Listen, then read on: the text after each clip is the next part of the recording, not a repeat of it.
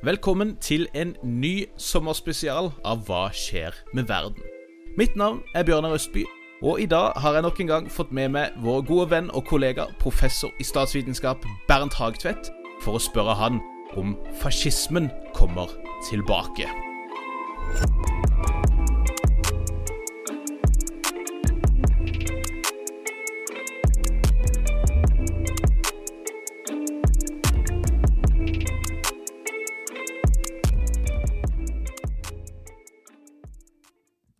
Hei og hjertelig velkommen til en ny episode av podkasten Hva skjer med verden?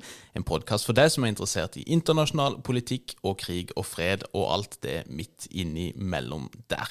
Dette er nok en sommerspesialepisode der vi setter av litt mer tid til å dykke inn i et spesifikt tema som vi ønsker å forstå litt mer av. Og Denne episoden har jeg gledet meg veldig til. Vi har fått med oss nok en gang vår gode venn og kollega, selveste professor i statsvitenskap, Bernt Hagtvedt. Velkommen, Bernt. Takk skal du ha. Det er en glede. I dag skal det handle om et, et, veldig spennende spørsmål, men også et ganske utfordrende faglig spørsmål, nemlig kommer fascismen tilbake? Jeg pleier å si som de som blir intervjuet på BBC og sier Uh, thank you for having me. ja, det er det de sier. Ja. Vi er veldig glad to have you.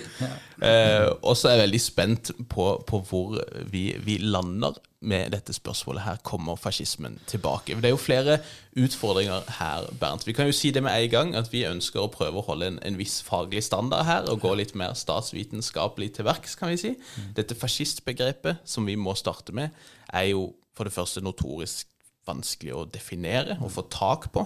I starten var det jo gjerne marxister som fikk definere dette. Det har tatt lengre tid før man har prøvd å definere det sett mer fra fascisters egne ståsteder. Så vi må nok kjempe litt med begrepet først, og så skal vi prøve å anvende dette da med måte når vi ser på eh, internasjonal politikk rundt oss, og hvorvidt fascismen, sånn som vi da definerer det, faktisk eh, kommer til tilbake. Så kan vi ikke egentlig bare dundre i gang med det største og kanskje vanskeligste spørsmålet her, Bernt.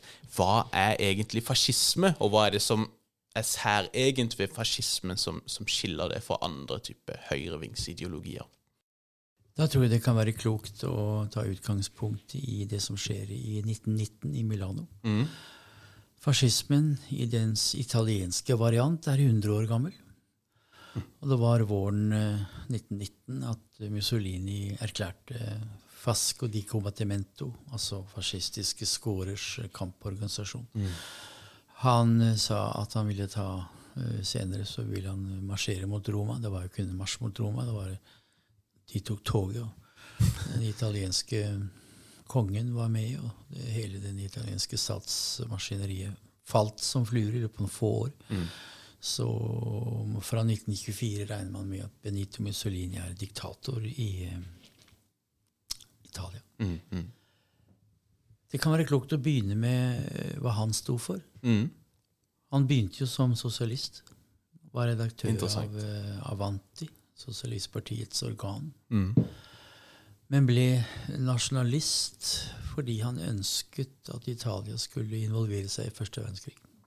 Mm motstander av nøytralitet. Mm. Han tjenestegjorde selv ved fronten og ble såret, i likhet med Hitler. Mm. Så det første kjennetegnet ved den italienske fascismen det er ekstrem nasjonalisme. Mm. Fedrelandsfokus. Italias maktanspråk i regionen. Mm. Det dreide seg jo om uh, territorielle erobringer i Fiume, altså Trieste mot uh, det som senere blir Jugoslavia. Mm. Og selvfølgelig kamp om uh, området mot Østerrike og Ungarn i nord. Første verdenskrig i, i Italia var forferdelig. Det var vinterkrig i nord. Store tap. Forferdelige forhold. Så Italia regnet med å få belønning i Versailles. Men de fikk ikke belønning. Nei. Så Italia var preget av en skuffelse. Mm den eh, brukne freden som Mussolini tok utgangspunkt i eh, nasjonal ydmykelse. Mm. Nasjonalistisk regenerasjon. Støtte hos uh, hjemvendte soldater, særlig sjokktroppene Arditi. som vanskelig lot seg integrere i det sivile samfunnet. Og så ble fascistiske skarer, for øvrig veldig inspirert av den franske tenkeren Sorel. Eh, så det her er vi alle Med en gang har vi da ingrediensene. Nasjonalisme. Nasjonale territorielle krav. Ekstremt antibolsjevikisk antikommunisme. Så på Lenins revolusjon da i 1917 som en trussel mot Italia. Mm. Du fikk allerede i Torino da i 1917-18 store arbeidskamper. Så det var spørsmål om nasjonal identitet antisosialisme, antimarxisme og antiliberalisme. Mm. Dette er de fascistiske negasjoner. Antiliberalisme, antikommunisme og antikonservatisme, fordi fascismen var med en gang en revolusjonær bevegelse. Mm. Når vi sier antikonservatisme, så er det med det viktige forbehold at de fleste fascistiske bevegelser kommer til makten på skuldrene av konservative partier. Ikke sant, det er I Italia Giolitti, og i Tyskland selvfølgelig Hindenburg. Mm, mm. Så der er et, en, et skjebnefellesskap mm. mellom uh, fascistiske partier og konservative bevegelser. Fascistiske partier står for en uh, ny type politikk. Gatenes politikk. Mm. Det konstante press mot det politiske system fra gatene og folkelig mobilisering. Mm. Ordet fascisme kommer av Faskes, disse, denne, øh, dette symbolet fra romertiden. En, en øks skåret gjennom øh, noen stokker. Som da ble båret foran uh, de romerske hærførerne når de kom tilbake, som tegn på legalitet og lov. Mm. Hvis og du, folk lurer på hvordan det ser ut, så kan ja. de jo se på det norske politiets ja. skjold. Der ja. ser du Faskes på hver side. På hver side, ja. Så, som tegn på voldsmonopol mm. og legalitet. Mm, mm. Altså diktatur, antimarxisme, antiliberalisme, antikonservatisme, det med det forbeholdet vi har satt her, nasjonalisme og ikke minst renhetstenkning. Det nasjonale skal uh, heises opp og dyrkes. Mm. Arbeiderklassen skal ikke forfølges, men løftes inn i det nasjonale fellesskap mm. ved hjelp av korporasjoner. Mussolinis uh, fascismeform, som man ikke har i Tyskland for øvrig, var jo å organisere arbeidslivet ved såkalte korporasjoner, korpus legeme, hvor arbeidstaker og arbeidsgiver skulle føre sammen under statlig kontroll. Mm. og Hensikten var å demobilisere og holde arbeiderklassen nede, men løfte dem inn i nasjonalt fellesskap. Mm. Mm. I Tyskland finner du ikke korporasjoner. Der, det, med en gang oppsto diskusjonen var den tyske nasjonalsosialismen en form for fascisme. Mm. Mm.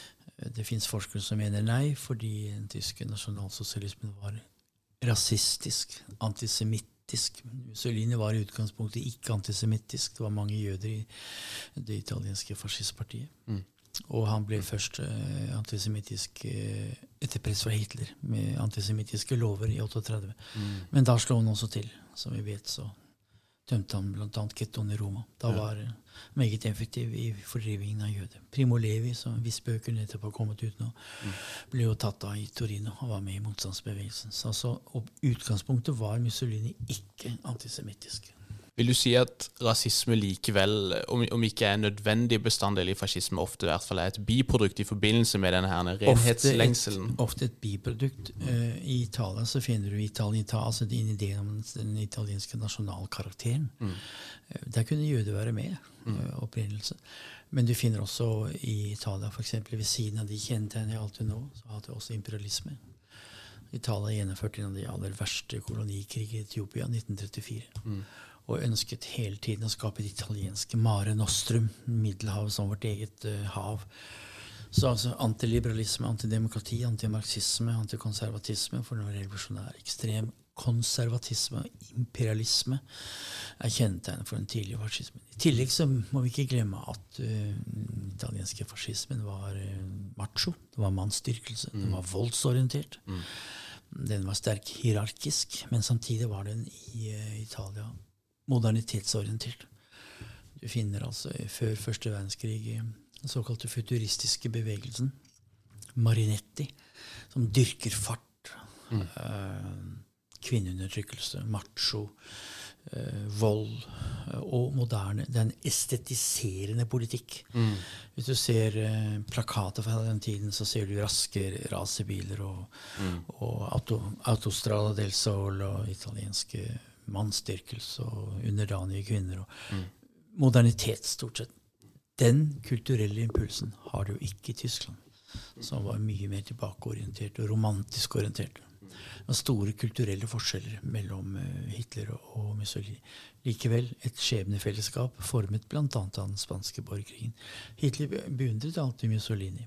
Jeg mente han var eh, Mussolinis eh, læresvenn. Og det er interessant at dagen etter attentatforsøket 20.07.44, så viser han, altså Hitler viser Mussolini rundt i den ødelagte bunkeren. Mm. Og um, Hitler gjorde et poeng å befri eh, Mussolini fra fangenskapet på en fjelltopp. Ja. Der sender han Otto Scosensi, som befrir ham i en veldig vågsom aksjon. Mm. Og støtter da Mussolini da han opprettet Salo-republikken, som ble en radikal republikk i Nord-Italia. Og når uh, Mussolini og hans elskerinne Clara Petacci blir hengt opp som lik ved en bensinstasjon i Milano, så blir Hitler helt klar på sånn vil han ikke ende opp. Mm. Han vil heller ikke ende opp i et bur på Den røde plass. Nei. Så han bestemmer seg til å ta sitt eget liv. Det er et nær, nær indre forhold mellom Hitler og Mussolini gjennom hele krigen. Mm. Så det vi har gjort nå, er for å forsøke å ringe inn noen begrepskjennetegn for hva det, eh, fascismen var. Med en gang så ble jo begrepet brukt av uh, kommunistpartiet. Mm. Klara Zetkin, den fremtredende tyske kommunisten. Hun brukte begrepet fascisme på alle massemobiliserende bevegelser til høyre med bred folkelig appell, Mm. Som brukte politiske slagord og politiske aksjonsformer, demonstrasjoner og vold, som lignet litt på venstresidens eh, politiske aksjonsformer. Mm. Streiker og revolusjon. Husk at vi lever i en revolusjonær periode eh, på 20-tallet. Mm. Eh, og eh, så vil jeg da si at eh, som følge av Klara Clara Zetkins begrepsbestemmelse, så ser man i kommunistpartiene fra tidlig på 20-tallet at man setter likhetstegn mellom Hitler og Mussolini. Mm. Dette var en begreps, begrepsbruk som man snakker om Hitlerfascismen. DDR for eksempel, snakket bare om Hitlerfascismen. Ja. Og det samme ser du nå for noen dager siden, så feiret Putin seieren over fascismen. Mm. Det er altså da man skiller ikke mellom Hitler-nazisme og eh, Mussolinis fascisme. Mm. Selv om, som jeg sa, det er stor interesse for og en bred litteratur om å diskutere den tyske nasjonalsosialismen, at den ikke er del av, eh, av en fascistisk arv. Jeg mener at det er søkt. Mm. Det er klart hva har å gjøre med en, en fascistisk um, internasjonale. Mm. Hitler og Mussolini. Men ikke sant? Bare for å, å, å eh, si, skape enda mer forvirring her. Den store boka på 70-tallet av Ernst Nolte, 'The Fascismus in seiner Epoche', 'Three Faces of Fascism', han diskuterer Hitler og Mussolini, men også den franske l'action française, Mm. med Charles Maurras og Maurice Barrès. Det var jo ikke en fascistisk bevegelse. Det var en høyrenasjonal, til dels monarkistisk bevegelse. Mm. Antimoderne. Mm. Agrarorientert. Mm. Snakket om det reelle Frankrike er i de små landsbyene. Vendt mot industrisamfunnet. Vent. Det var heller ikke et masseparti. Det var en elitefenomen. Men altså Nolte argumenterte da for at uh, L'Action Français var fascistisk. Mm. Han, er ikke, han har ikke fått mange følgere på det. Nei, nei. Men eh, jeg nevnte det som et eksempel på at det er komplisert begrepsmessig å fange inn hva fascismen er. Men jeg vil oppsummere ved å si vi har å gjøre med fascistiske minimum. Anti. Mm. Eh, antiliberalisme, antidemokrati, antipluralisme, antimarxisme, antikonservatisme. Det er den første. Mm. Så har vi tilhengere av diktatur. Mm. Voldsorientert. Tilhenger av politisk kontroll med økonomien. Vi kan ikke si at uh, fascismen er rasistisk til å begynne med. Den opprinnelige definisjonen omfatter ikke antisemisme, fordi Franco var ikke antisemittisk. Mm. Mussolini var ikke det. Uh, Det hører med til historien at, at uh, Quislings bevegelse, Nasjonal Samling, er interessant fordi den er både rasistisk, antisemittisk, men samtidig orientert mot kollaborasjoner. Altså har elementer både fra Hitler og fra Mussolini. Mm. Ved siden av disse fem anti-elementene kontroll med økonomien, machodyrkelse, hierarkisk, renhetsorienterende, veldig opptatt av nasjonal gjenfødelse. Mm. Man skal skape både et nytt menneske Et og nytt menneske, en ny nasjon. og Ny nasjon. Og ikke minst veldig opptatt av uh, alle tendenser til uh, dekadanse. Mm. Særlig Frankrike er veldig opptatt av dekadanse. Uh, Den store inspiratoren her, Georges Sorel, var ekstremt opptatt av motstand mot dekadanse. Forfall, håper jeg, Forfall. samfunnsmessig. Ja. Eh, Ikke minst forakt for borgerlighet. Ok, ja. Veldig. Eh, Vi kan komme tilbake til Sorell senere. og det er veldig interessant for å forstå den idehistoriske og psykologiske forutsetningen for europeisk fascisme. Det er en reaksjon mot opplysningsarven. Det er en reaksjon mot ideene fra 1789, mot demokratiet, mot utilitarismen, mot arbeiderklassens rettferdighetskrav. Det er en reaksjon mot, mot vitenskapelighet. De ville ha en egen tysk vitenskap. Heldigvis så utviste han alle jødene. For eh, så, ja, ikke sant? Det er, du forstår hva, hva jeg sier. For de, det var jo jødiske fysikerne som lagde atomvåpen. Og Hitler eh, kastet ut alle de begavde jødene som kunne ha gitt ham de våpen. De var så villige til å gi ham Fritz Haber, eksempel, som dannet eh, giftgassen under første verdenskrig. Mm. Han ble jo bare foraktet av Hitler. Ja. Altså, Så sterk var ideologien, Bjørnar, Mm, mm. at eh, en Fritz Haber kjemiker som lagde mm, sennepsgassen første verdenskrig, han stilte sitt talent til disposisjon for Hitler, ble avvist og foraktet fordi han var jøde. Mm. Det altså viser hvor sterkt eh, ideologien sto. Så vi har altså å gjøre med en reaksjon, en nasjonalistisk reaksjon i et diktatur som tar sikte på det nye mennesket, som tar sikte på å skape en enhetlig nasjonal, et nasjonalt fellesskap for å hindre forfall, for å hindre dekadanse, og for å øh, skape en type hierarkisk samfunnsmodell samfunnsmodell, der alle er like i gåseøynene under føreren.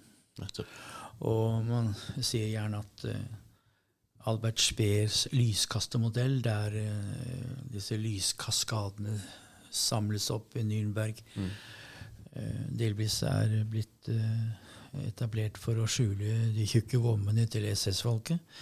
Det er polemisk. Men Vi tillater litt polemikk. poenget Altså. er jo da ikke sant, at da var alle like under føreren. Nettopp, ja. Alle var henvendt til føreren i mørket. Mm, mm, mm. Og mens lyset kastet de kaskader omkring. Disse massemøtene er da karakteristiske for eh, den eh, fascistiske og nazistiske estetikken. Der er jo både Hitler og Mussolini eh, like. Direkte appell. Så du kan si at dette var et forsøk på å samle oppmerksomhet omkring kompliserte begrepsmessige forhold. Du vil spørre meg om hva som er kjennetegnet. Først og fremst ekstrem ytterliggående nasjonalismen. Renhetstanken. Vi de andre. Imperialismen. Antiliberalismen, antipluralismen, antimarxismen. Mannsstyrkelsen. Synet på økonomien som politisk styrt ovenfra. Mm. Der hører det med at eh, Hitler eh, inngikk jo masse kompromisser med industrieierne. Han var opptatt av et økonomisk system som skulle gi ham de nødvendige ressurser. Hvorvidt det var kapitalistisk eller ikke, spilte ikke noen rolle. Nei. Og fremtredende marxistiske historikere har jo nettopp stilt spørsmålet. Interessante spørsmål. Det vi ser i Det tredje riket, er jo det omvendte av det Marx sa. Vanligvis er politikken en, en følge av økonomiske krefter. Men her har vi politikkens autonomi. Mm. At politikken som styrer hva som skal investeres i, hvilke produkter som skal skapes. Og dette er jo da den store debatten om hvilken type regime Hitler var. Det kan vi komme tilbake til. Veldig Men så langt har vi iallfall kommet til at um, begrepskjennetegnene er viktige. Så kan man si at hva er da forholdet mellom høyre nasjonalisme, høyre autoritarianisme og fascismen? For nå, I disse dager er det jo en tendens til å, stemple alt av høyre autoritære regimer som fascister. Jeg vil si at uh, det avgjørende er den folkelige mobiliseringen. At okay. uh, fascistiske bevegelser er tatt sikte på folkelig mobilisering. Så kan vi komme tilbake til Trump. Det kan vi la ligge for øyeblikket. Men, men? Det, det viktige er at der hvor, der hvor det nasjonale borgerskap er svakt, der vil det ha en tendens til å søke støtte hos fascistiske bevegelser. For, søke folkelig støtte. Det så du i, i Weimar-republikken.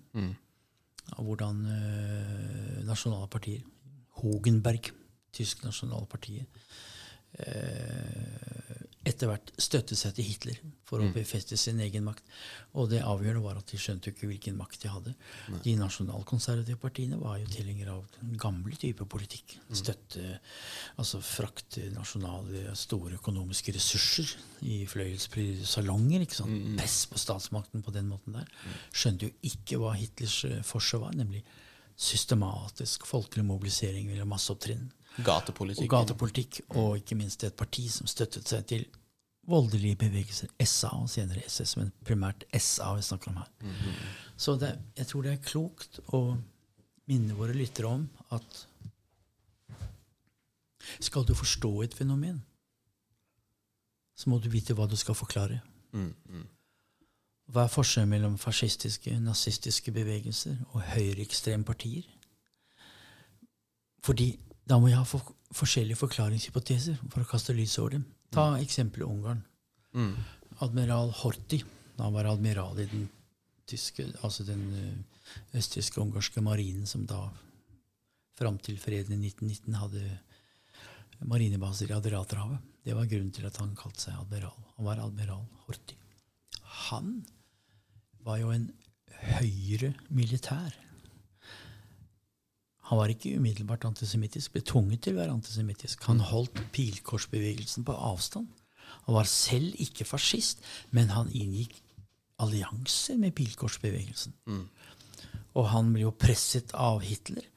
Eh, Han, han øh, forsøkte jo å fjerne Eichmann, som tok livet av 450 000 ungarske jøder på noen uker i 44. Kan ikke forestille det.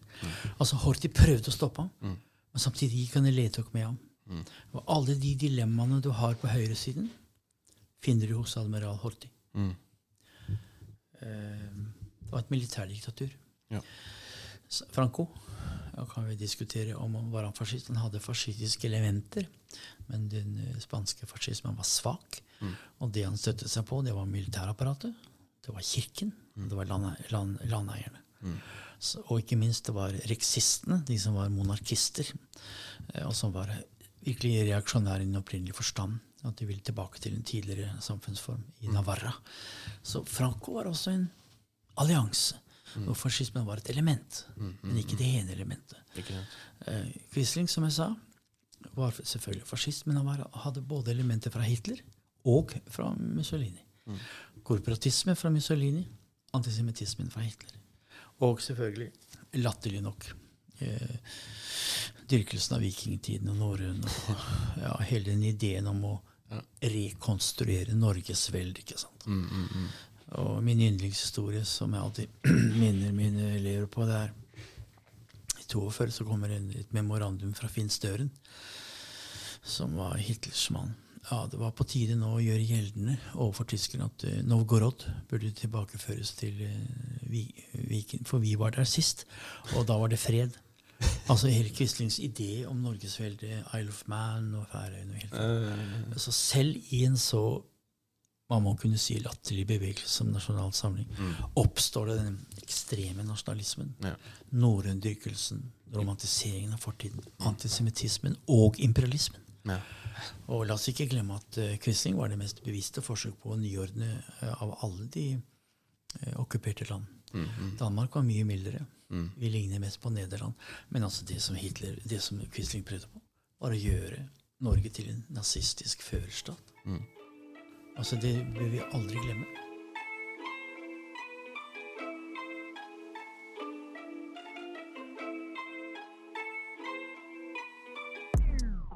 Vi har kommet så langt at vi har forsøkt å begrepsdefinere fascismebegrepet. Og så er det jo da du kan si, Før vi tar tak i det vi virkelig vil ha svar på, og kommer fascismen tilbake, så, så antyder jo det spørsmålet at fascismen forsvant. Uh, er det så enkelt som å si nærmest at, at fascismen eksisterte eller hadde sin glansalder i mellomkrigstida? Det hadde jo sin glansalder, sier seg selv. Annen verdenskrig ble jo utkjempet mellom demokratiet og fascistiske bevegelser, og med Stalin som en veldig viktig partner, selvfølgelig. Som Churchill sa, stilte opp for Hitler, ville jeg alliere meg med djevelen.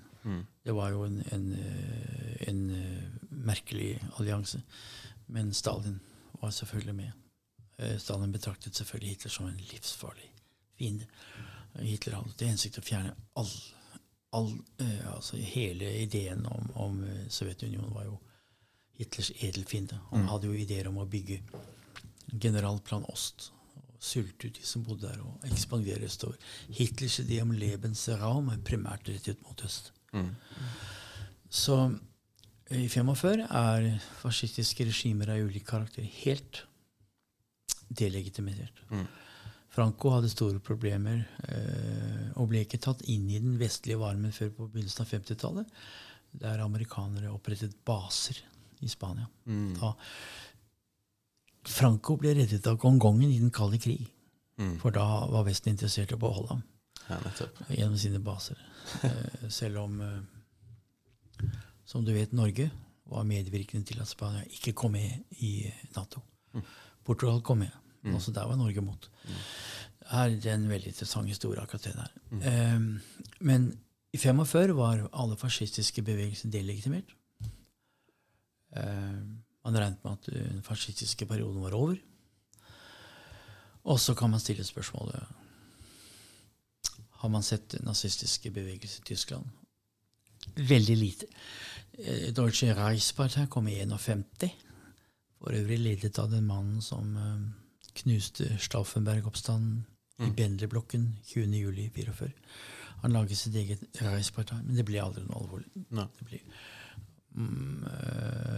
det er blitt sagt at hadde ikke Wirtschaftswunder, den økonomiske oppgangen, kommet så ville potensialet for en nazistisk regenerasjon i Tyskland på 50-tallet vært ganske stort. Men den økonomiske veksten tok oksygenet ut av den posisjonen. På 70-tallet fikk du NDP, 4% i noen tyske eh, delstater, men det var ingen alvorlig trussel. AFD er jo da mye, mye sterkere. 10-15% nå. Det er etter mange solemerker et nokså klart fascistisk parti, vil jeg si. Ok. Ja, det vil jeg si. Eh, I Frankrike Jean-Marie Le Pen. Far til Marine Le Pen. Eh, Fallskjermsoldat i Algerie-krigen. Han var antisemittisk nokså klart autoritær. Må kunne kalles noe i, i retning av en hadde fascistiske tendenser, kan man si. I Storbritannia har det aldri vært noe aktuelt. Den, tyske, den um, britiske British Union of Fascist med Mosley var veldig svak i mellomkrigstiden. Og han prøvde seg ved å snakke om imperiebygging og sånt. Han hadde et økonomisk program som var til dels interessant. Men etter krigen er jo alle fascistiske bevegelser i Storbritannia vært steindøde fra begynnelsen av. English Defence League er gått i oppløsning. og Det er, store, det er alltid en tendens til uh, lederskapskonflikter i sånne, sånne bevegelser. Eh, Nederland svakt. Veldig svakt. Polen Du må jo stille spørsmålet er Kaczynski fascist. Han er nasjonalkonservativ. Høyre, høyreorientert nasjonalkonservativ. Han er ikke fascist. Det viktige kjennetegnet er at hvis du virkelig tar til orde for voldelige midler utenfor loven, og tar sikte på å skrinlegge demokratiet, da nærmer du deg en fascistisk. Ja, Ja. Men verken Orban eller uh, Kaczynski kan sies å være fascister. De er høyrenasjonale, autoritære, og ligner mer da på uh, ligner mer på Horthy, kan man si, og på Franco. Orban er jo ikke, Orban er jo også antisemittisk. Dette er i Ungarn, altså. Ja, Ungarn, ja. Mm. Han er jo antisemittisk, må man kunne si. Ja, islamofob også, Ja, må man islamofob. kunne si. Og den store forskjellen er jo nå innvandring, selvfølgelig. Den hadde man jo ikke jo i, i mellomkrigstiden. Um, uh, Nederland mm, kan jeg ikke nok om. Frankrike er Marine Le Pen har jo nå moderert seg, ikke sant? Hun er ikke lenger mot EU. Eh, hun eh, forsøker å ta arbeiderklassens parti. Og hun vet at hun vinner ikke fram med mindre hun har arbeiderklassens parti. Så hun har da moderert seg. Det er vanskelig å kalle Marine Le Pen fascist. Jeg syns det er urimelig. Og det, da er vi jo egentlig inne i denne diskusjonen der om det vi ser rundt oss nå, er en, en ny, liksom et comeback for fascismen. da. Du har nevnt Orban, Kaczynski, Le Pen, som er karakterer som jeg i hvert fall har sett fasciststempelet har blitt brukt på. Vi kunne, kunne Savini nevnt, i eh, Italia. Ja, kunne nevnt Bolsonaro i Brasil, Erdogan kanskje i, i Tyrkia. Duterte i Eh, Filippinene. Ja, øh, og, og øh, den kanskje folk flest lurer på, da, så klart Donald Trump i, i USA. Her blir jo fasciststempelet slengt til, til høyre og venstre uten at det nødvendigvis er noe veldig Jeg tror det er meget uklokt å kalle Trump fascist. Mm. For du forstår ikke fenomenet.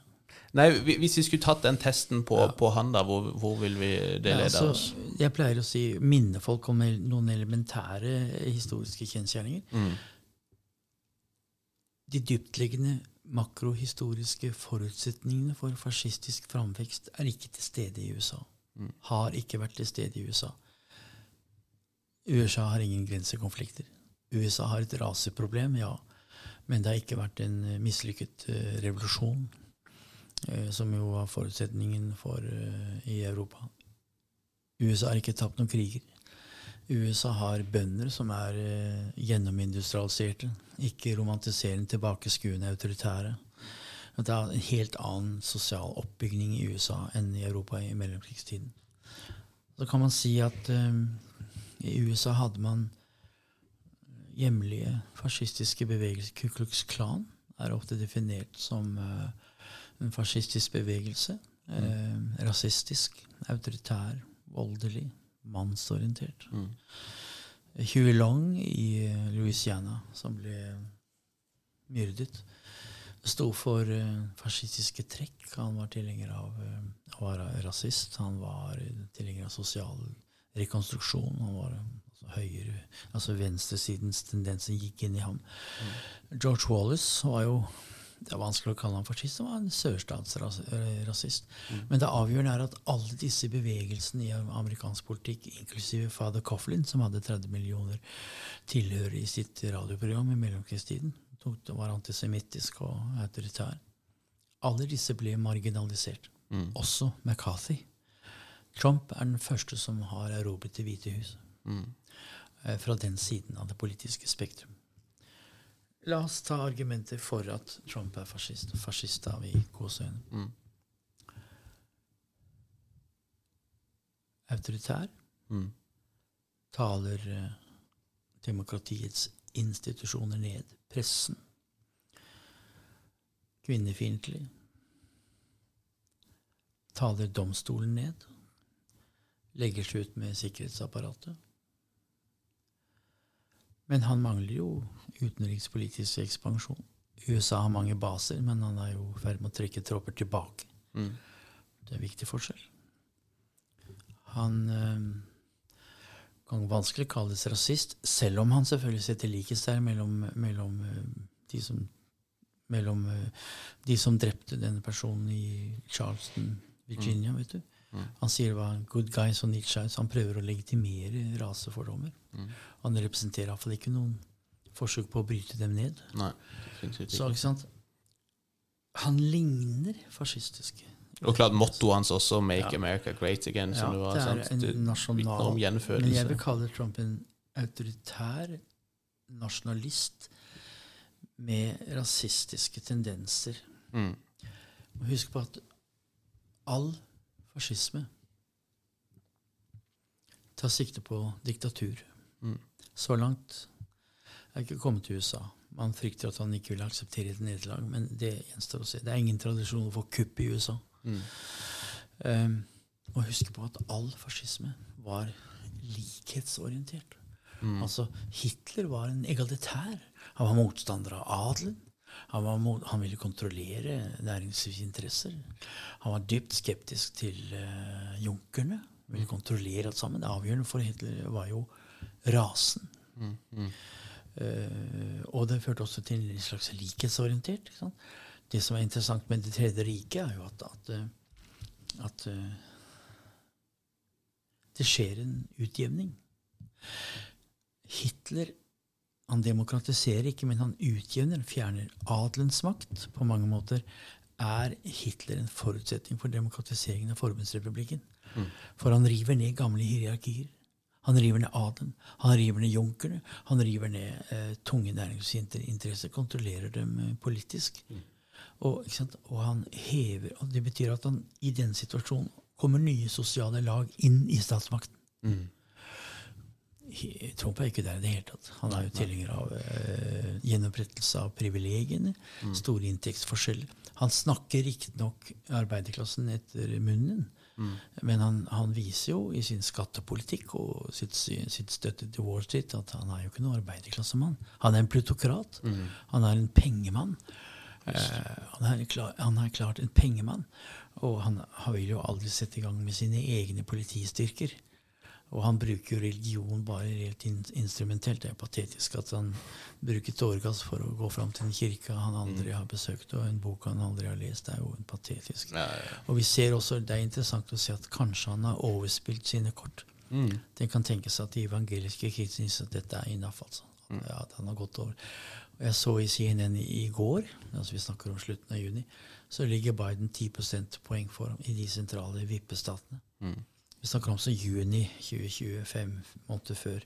Det kan tyde på at han, at han har overspilt sine kort. Mm. Men jeg vil si at Trump er en plutokrat. Og hvis det var noen Hitler og Mussolini foraktet, så var det jo pengemenn. Mm. Ja, det, var, de var vulgære. Og det var jo, mm. var ikke, hadde ikke nominasjon å gjøre det hele tatt. og det er vel kanskje nettopp vulgær som egentlig beskriver Trump og hans virke best. Ja, og Derfor er det viktig å merke seg at en, det er behov for klart begrepsbruk. Mm. To, man må være åpen for at demokratiforfall, altså forfall i demokratier, kan ha forskjellige utløp, mm. forskjellige resultater. Nettopp. Du kan få Trump, ja. Mm. Eh, du kan få um, Boris Johnson, brexit. Mm. mm. Eh, nå i Spania har vi fått et lite fascistparti, Vox, men mm. det er jo eh, sosialisten som er makten. I Italia kjempespennende. Savili er jo nå utover sidelinjen, og Conte representerer jo en uh, modererende kraft. Mm, mm. Så altså Kriser i demokratier ha, kan ta forskjellige utfall. Mm. Og det betyr da at fascisme i rendyrket form kan være ett utfall. Jeg mm. mener det er ganske usannsynlig. Ja, ja. Eller du kan få andre utfall. Putin, som er nasjonalkonservativ, autoritær. Du kan få Kisjinskij-brødrene, som er polsk. Eh, det er til dels antisemittiske. Innvandringsfiendtlig. Orban i Ungarn, som jo er nasjonalist. Han var liberaler som før. Eh, mot minoriteter og mot innvandring. En nasjonal renhetstanke. Mm.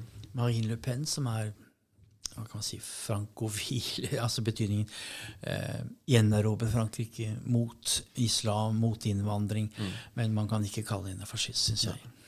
Nei, og vi må kunne si at det kan være mange slags autoritære vesen på ja. ytre høyre ja. som kan være fæle nok uten at ja. de nødvendigvis er fascister, eller at det er tjenlig å bruke det begrepet. Men vi kan jo spørre bare til slutt, hvis vi ser på verden sånn som den ser ut nå, da, sommeren 2020, så, så ligger det jo en del her som kanskje kan Minne om. Ja, men som også kanskje kan legge til rette for at vekstvilkårene for ja. en eventuell fascistisk bevegelse er bedre. Ja. Vi ser utbredt sosial uro. Eh, vi ser økonomiske nedgangstider, ganske kraftig polarisering både i USA, men også i, eh, i Europa. Er det, er det, ting som, som altså Vi skal alltid være forsiktige med å spekulere inn i framtida, men det er jo litt, eh, litt gøy også. Er det ting her som du tenker gjør at vi kanskje kan få eh, en, en genuint fascistisk bevegelse, enten i Europa eller USA. Mitt eget synspunkt er at dette gjør EU enda viktigere enn noen gang. Mm. Og jeg ønsker også å signalisere at Norge hører med som fullt medlem i EU. Mm -hmm.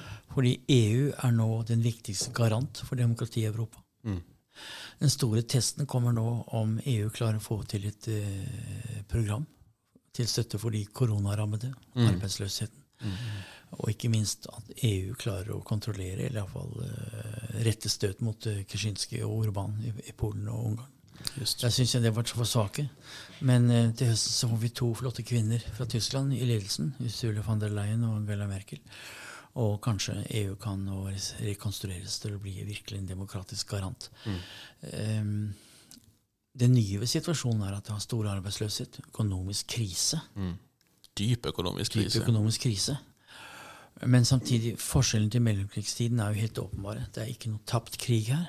Det er minimalt med grensestridigheter. Ja, vi har et innvandringsproblem.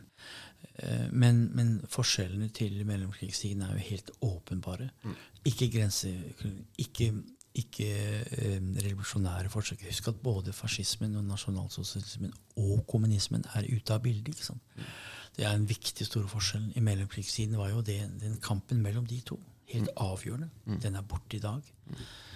Og jeg mener at, at um, valget i høst mellom Biden og uh, Trump er et av de aller viktigste valg i amerikansk historie. Mm. På linje med valget som gjorde at uh, Abraham Lincoln kom til makten under borgerkrigen. Mm.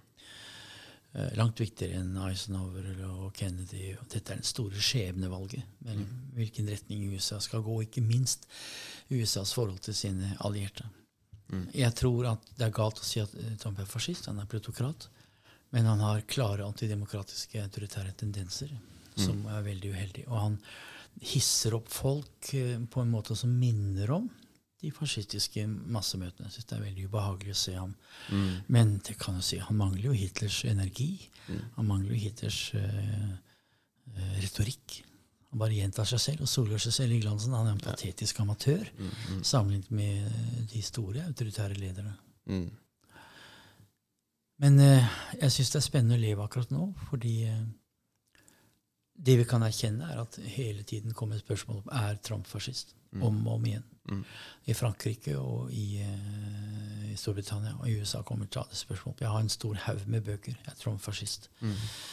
Og Man snakker om hans autoritære holdninger, hans kvinnesyn, hans voldstendenser, hans uh, narsissisme og hans avgrunnsdype uvitenhet. Mm, mm. Veldig, veldig interessant.